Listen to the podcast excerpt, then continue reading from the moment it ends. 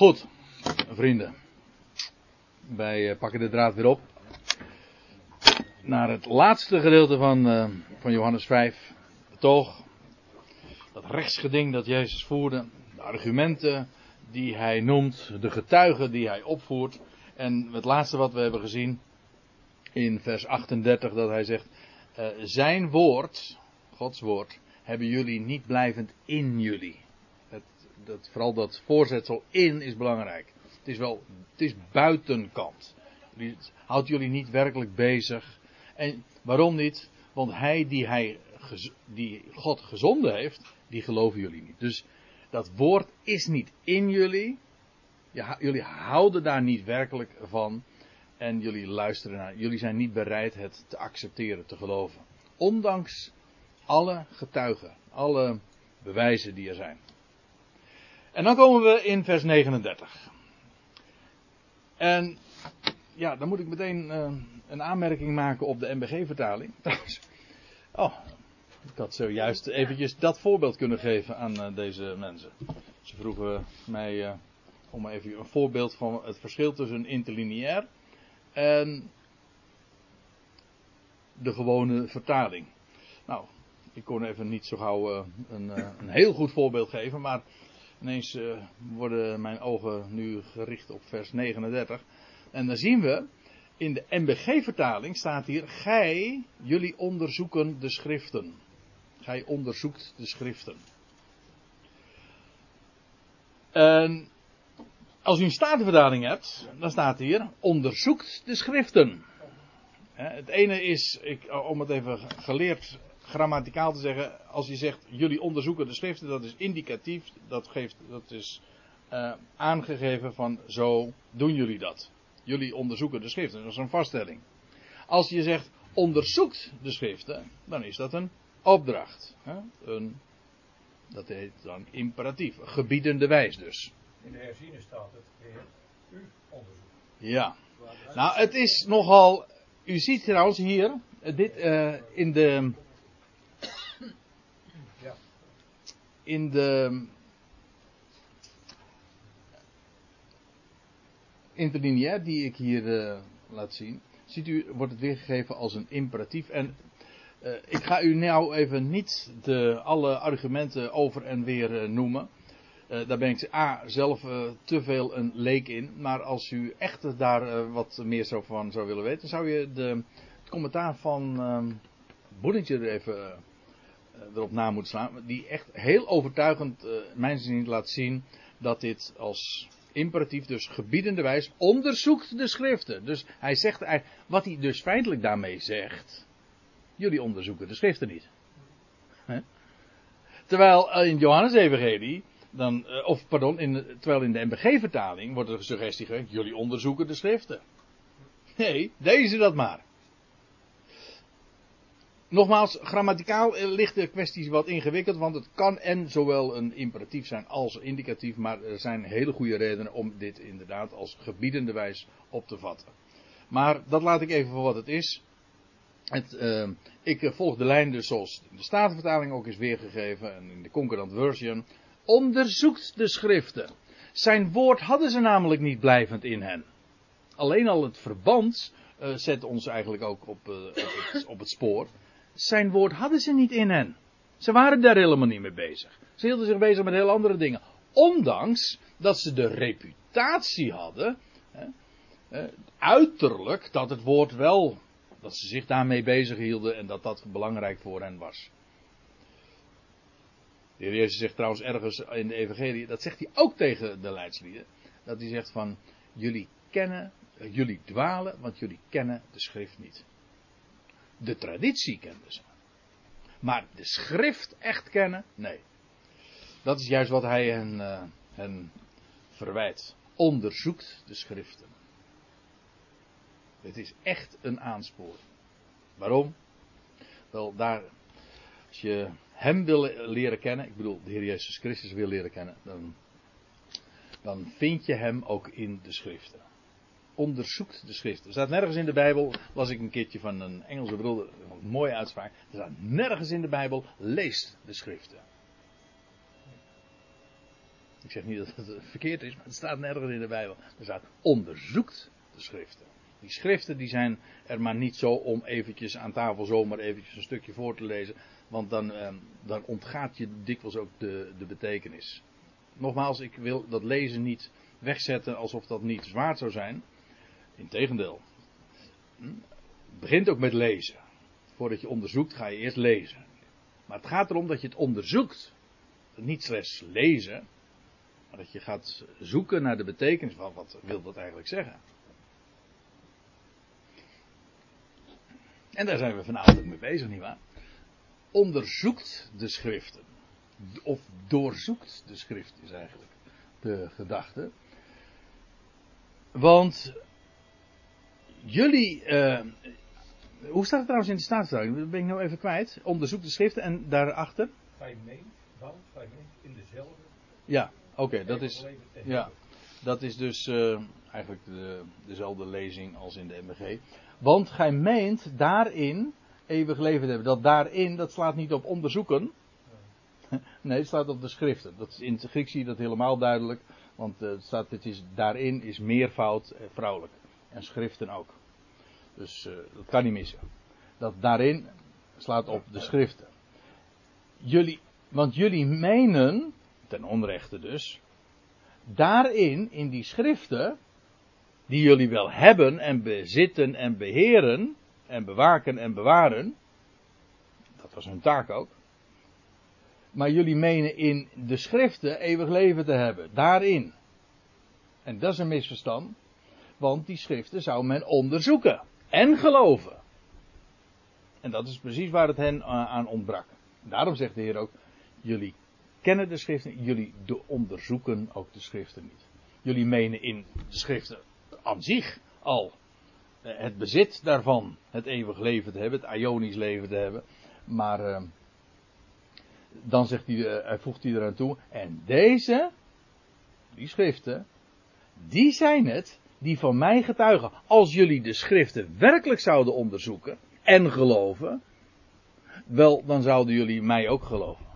Want die schriften, die getuigen namelijk van mij.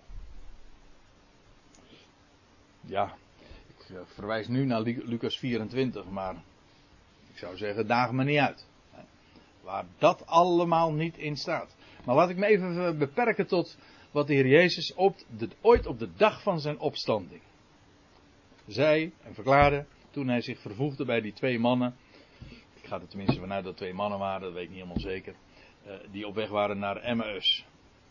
De, de Emmaus gangsters, hè? dat heten ze dan. Nou ja, als, als vrouwen waren, dan waren het inderdaad gangsters. Maar één, één heette, was een man, was Cleopas namelijk. En die andere weet ik niet. Dat, uh, daarvan wordt de naam niet vermeld. Maar in ieder geval, het waren Emmaus gangers. Dus ja. En, nou, u weet het, hij vervoegt zich in eerste instantie incognito bij hen. En ze weten niet met wie ze van doen hebben. En dan staat er, nog steeds weten ze niet met wie zij van doen hebben. En hij, Jezus dus, begon bij Mozes en bij al de profeten. En hij legde hen uit wat in al de schriften op hem betrekking had. Kijk, dat was onderzoek van de schriften. Dat en eigenlijk ook het, het tonen van de resultaten van dat onderzoek. Al de schriften, die hebben op hem betrekking. En hij legde hen dat zo allemaal uit. Wat in al de schriften op hem betrekking had. En als we daar nog een heel aantal versen later lezen, op diezelfde dag, of eigenlijk in de avond van die dag, dan lees je. En hij, hij zeide tot hem, hen, in de kring van de discipelen waarin hij verschenen was. Dit zijn mijn woorden die ik tot u sprak toen ik nog bij u was. Dat alles. Dus dit herinnert aan wat Jezus ooit al eerder had gezegd voor zijn kruisiging en toen hij nog onder hen was. Dat alles wat over mij geschreven staat in de wet van Mozes en de profeten en de psalmen vervuld moet worden. Kijk, en hier heb je trouwens de hele Hebreeuwse Bijbel.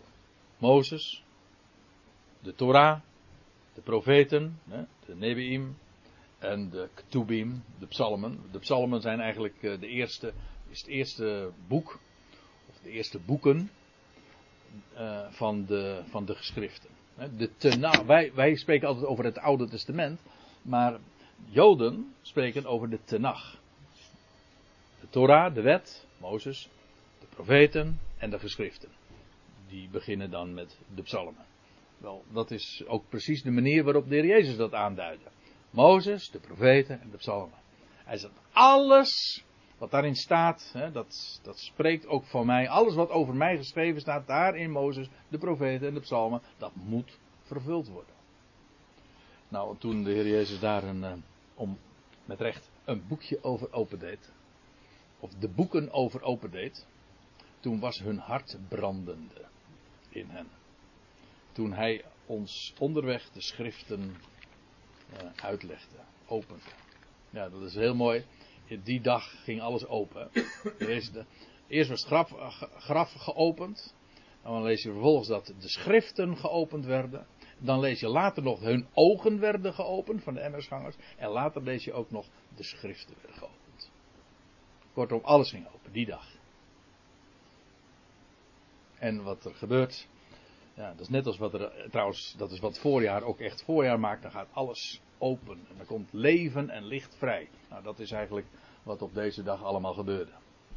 En die schriften getuigen van leven.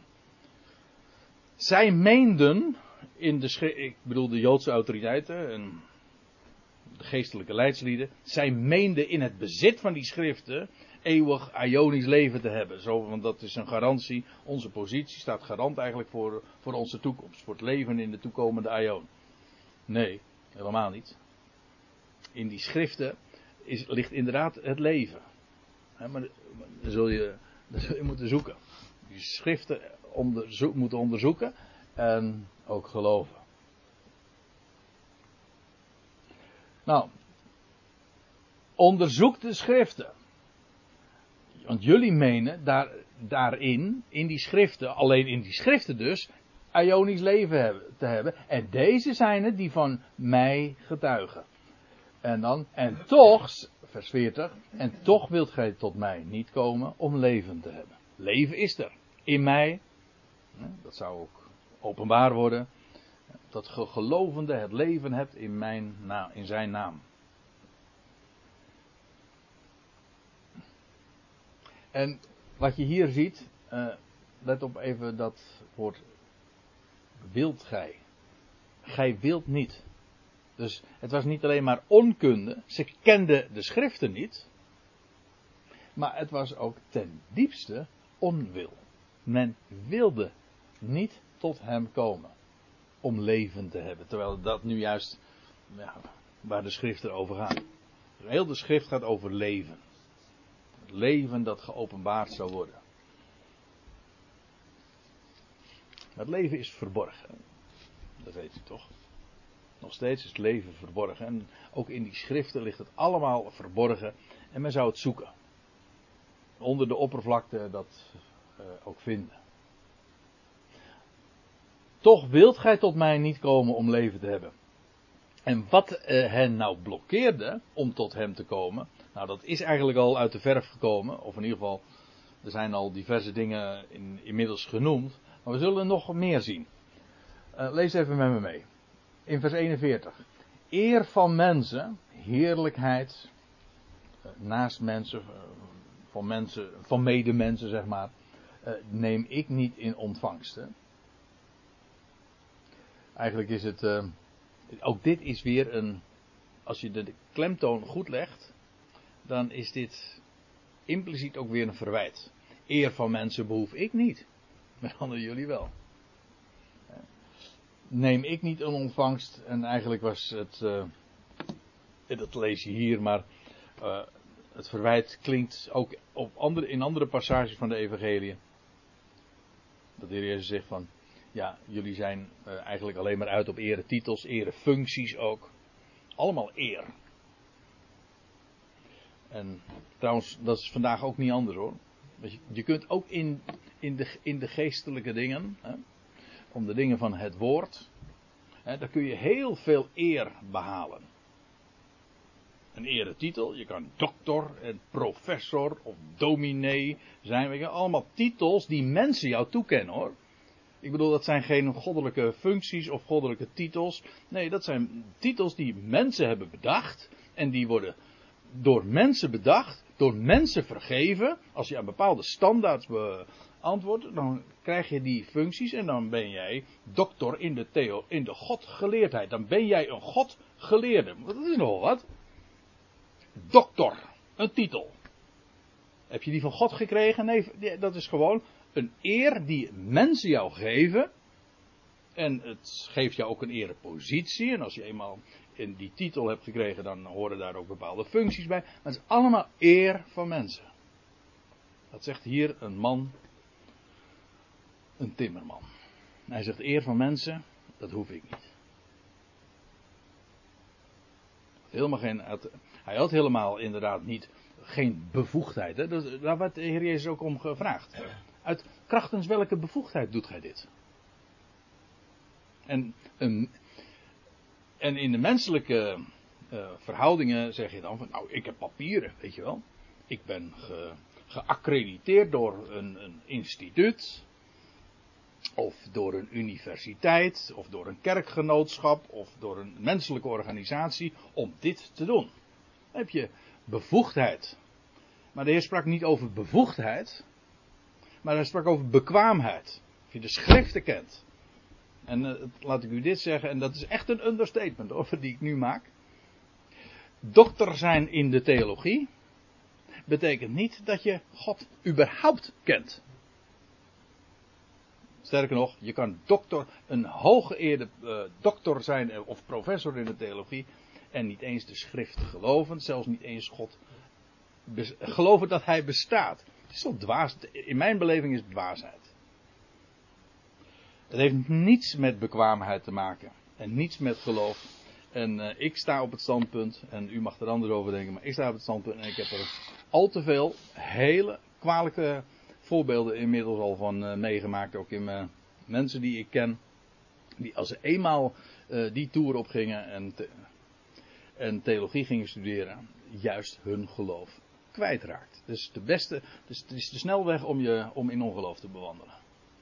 Want waar je voortdurend tegenaan loopt, en ik heb dit ook van mensen gehoord die zelf die opleiding volgen.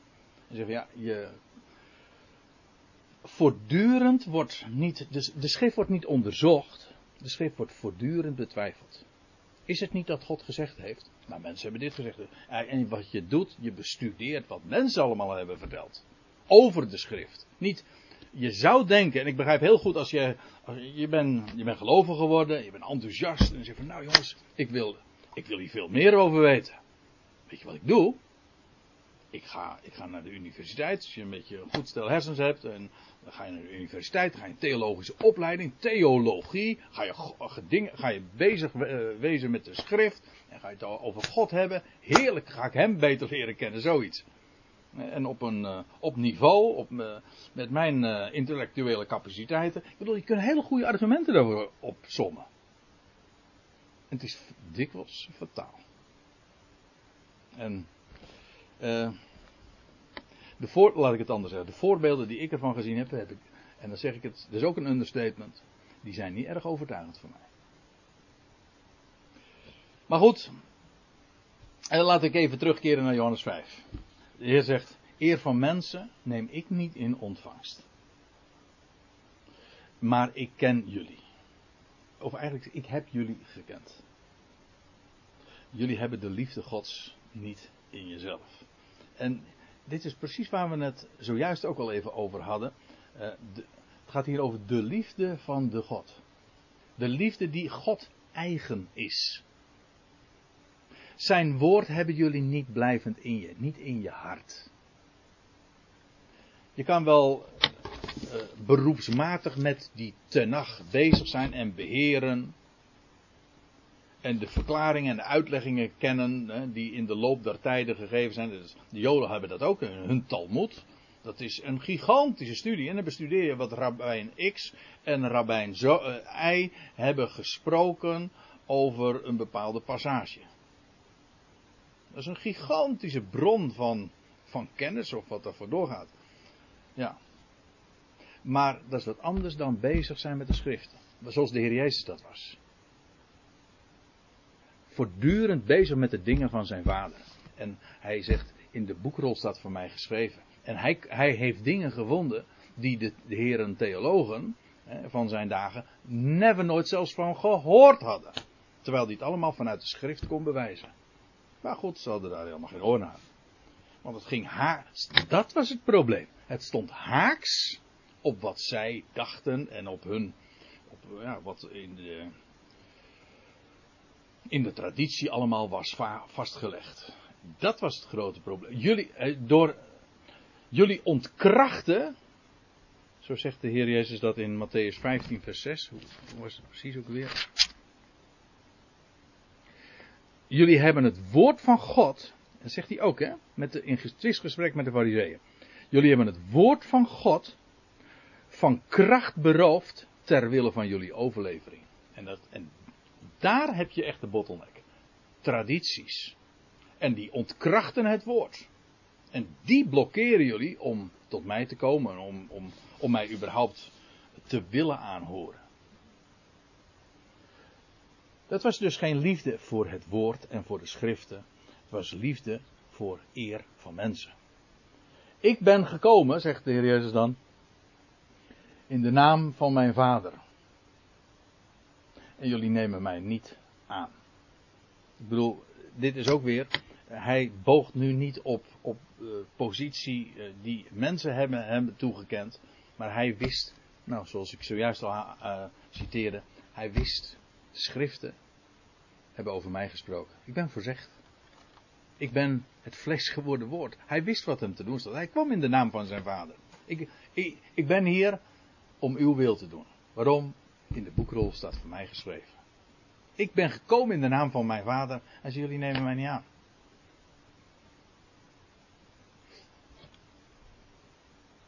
Kijk, de Heer Jezus was een mens. Is een mens. En hier op aarde heeft hij dit natuurlijk. Hij heeft dit uitgesproken. Dit klinkt scherp. Maar kun je je voorstellen dat iemand die zijn hele leven daar zo intensief, zo van harte mee bezig geweest is. En dan op zo'n enorme, massieve weerstand stuit. Van mensen van aanzien. Die wel zich konden bogen op geestelijke dingen, hè, want ze hadden die, die reputatie. Hoe, uh, hoe pijnlijk, hoe tragisch dat voor de Heer is geweest. Hoe, hoeveel verdriet dit hem ook heeft gedaan. Om, om daartegen, ja, om daarop te stuiten. En jullie, nemen, en jullie nemen mij niet aan, jullie nemen mij niet in ontvangst. Indien een ander komt in zijn eigen naam, die zult gij aannemen. Dus, hier weer die tegenstelling. Ik kom in de naam van mijn vader. En met zijn woord. En jullie nemen mij niet aan. Als iemand komt met zijn, eigen naam. En met een eigen woord, een woord van mensen, leringen van mensen. Wel, die zullen jullie aannemen. En dit is ook, uh, als het mij vraagt, profetisch. Omdat het spreekt van. Uh, ja, er zal straks iemand komen in de toekomst.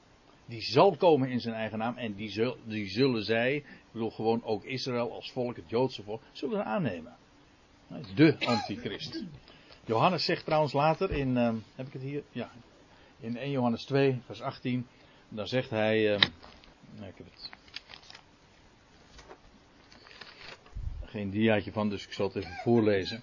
Dan zegt hij, kinderkens, gelijk gehoord hebt dat er een antichrist komt zijn er ook nu vele antichristen opgestaan en daarom onderkennen wij dat het de laatste uur is. Maar even dit. Gelijk gij gehoord hebt dat er een anti antichrist komt. Die ene, die speciale. Ze zijn er nu ook. Ik bedoel, het is niet. Uh, antichrist is feitelijk niet eens een specifiek profetische term.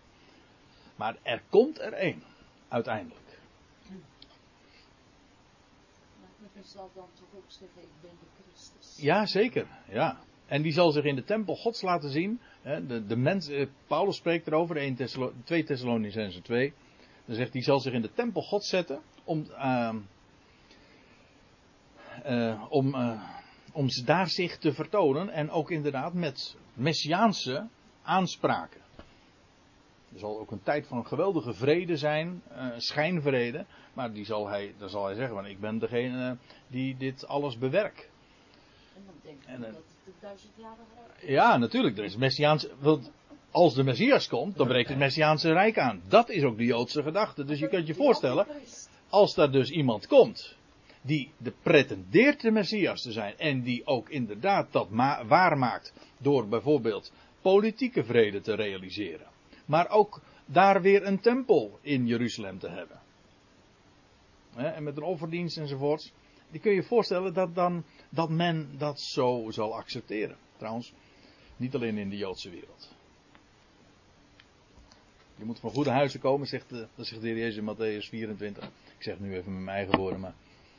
Om, eh, om in die misleiding die er dan zal zijn, om dan staande te blijven. Vergis je niet. Indien het mogelijk waren, zouden de uitverkorenen misleid worden. Indien een ander komt in zijn eigen naam, die zullen jullie aannemen. Dus het is een, het is een voorzegging, hè? Die zullen jullie aannemen. Hoe kunt gij, staat er dan, tot geloof komen? En letterlijk staat er, hoe kunnen jullie geloven? Hoe kunnen jullie geloven? Hoezo dat de Heer dit vraagt?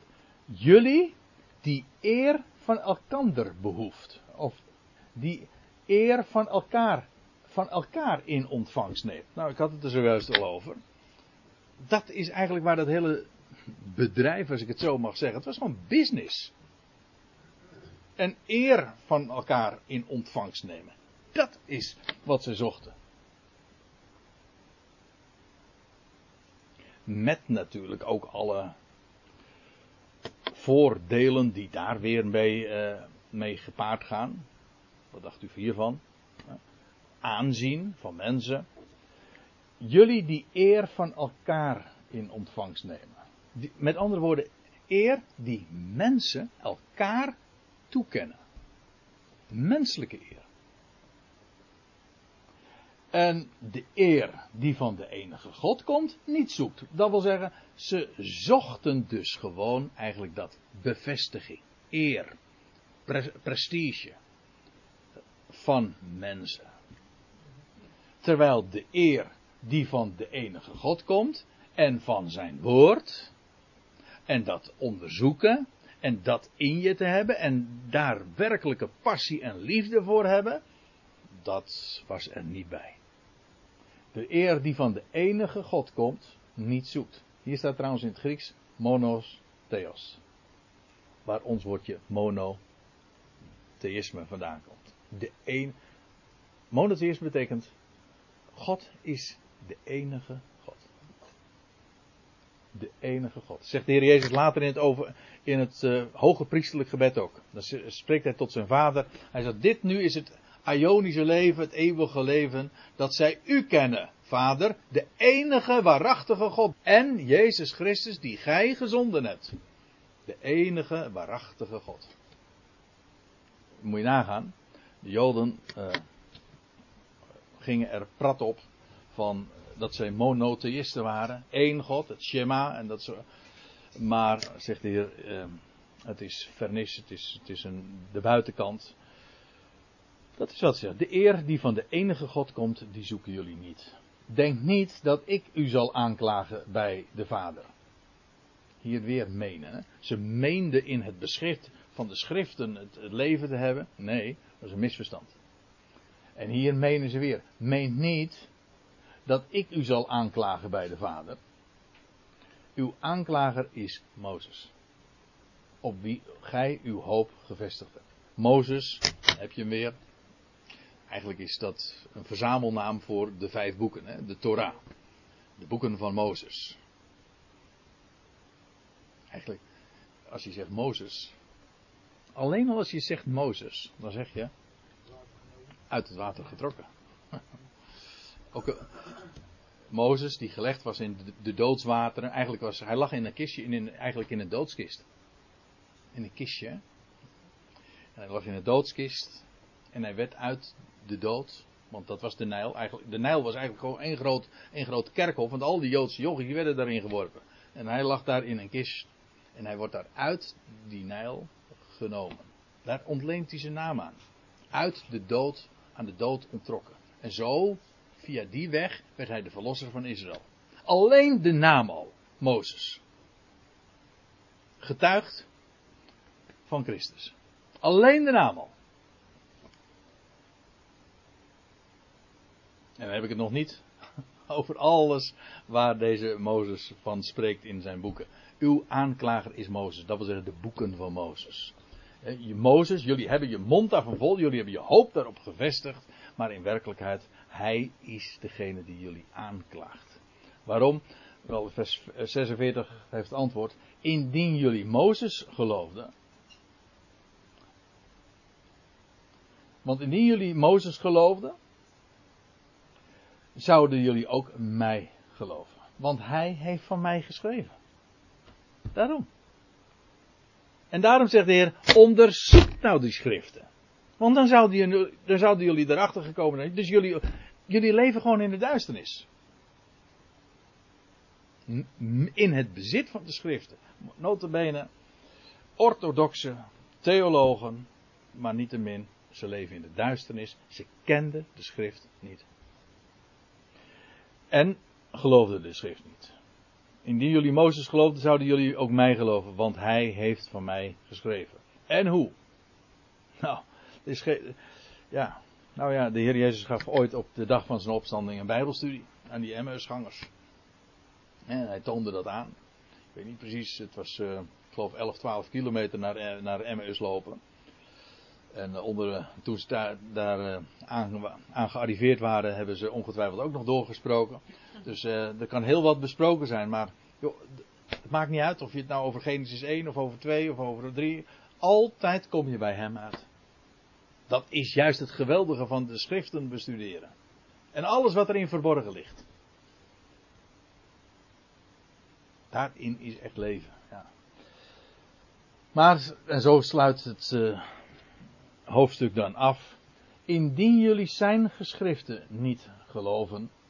Ook hier, het is, het voortdurend meervoud. Hè? De Heer Jezus spreekt dus tegen die autoriteit, al die mensen. Indien jullie zijn geschriften, die van Mozes dus, niet geloven. Hoe zullen jullie mijn woorden geloven? Mijn woorden, dat wil zeggen degene van wie Mozes dus heeft geschreven. Dat, dat, dat hoef ik ook niet te verwachten. Jullie geloven hem niet. Dus hoe zouden jullie mij geloven? Nou, eigenlijk is het zo dat uh, het hele betoog van de Heer ook hier uh, door Johannes wordt afgesloten. Dit zijn de laatste woorden. Nou, die kun je in je zak steken. Hè? Die kun je echt ter harte nemen. Maar ik bedoel, het is, het is mes scherp. En dit is geen stichtelijke praat van de Heer geweest. Dit was een rechtsgeding. Hij werd beschuldigd. En de Heer voert hier getuigen op. En als laatste dus weer de schriften. Die getuigen van mij. En dan is daarmee hoofdstuk 5 afgesloten. En dat is volkomen logisch ook dat het hoofdstuk hier afgesloten wordt. Want in Johannes 6 krijg je dan weer een hele nieuwe geschiedenis. En dan staat er daarna vertrok Jezus naar de overzijde van de zee van Tiberias. Enzovoorts. Uh, dat betekent dus dat uh, hier het uh, toneel van Jeruzalem verlaten wordt. En in hoofdstuk 6 worden we weer geplaatst in het noorden van Israël, namelijk aan de andere kant van het meer van Kinneret, de, zee van Tiberias. Maar voordat we naar de overzijde van de zee van Tiberias gaan, gaan wij eerst nog even vakantie vieren en herkauwen alles wat we zo hebben mogen bestuderen. En ja, dat is het mooie van vakantie vieren, nietwaar? kun je bezighouden met uh, de dingen die er echt toe doen. Daar heb je dan de tijd voor, nietwaar?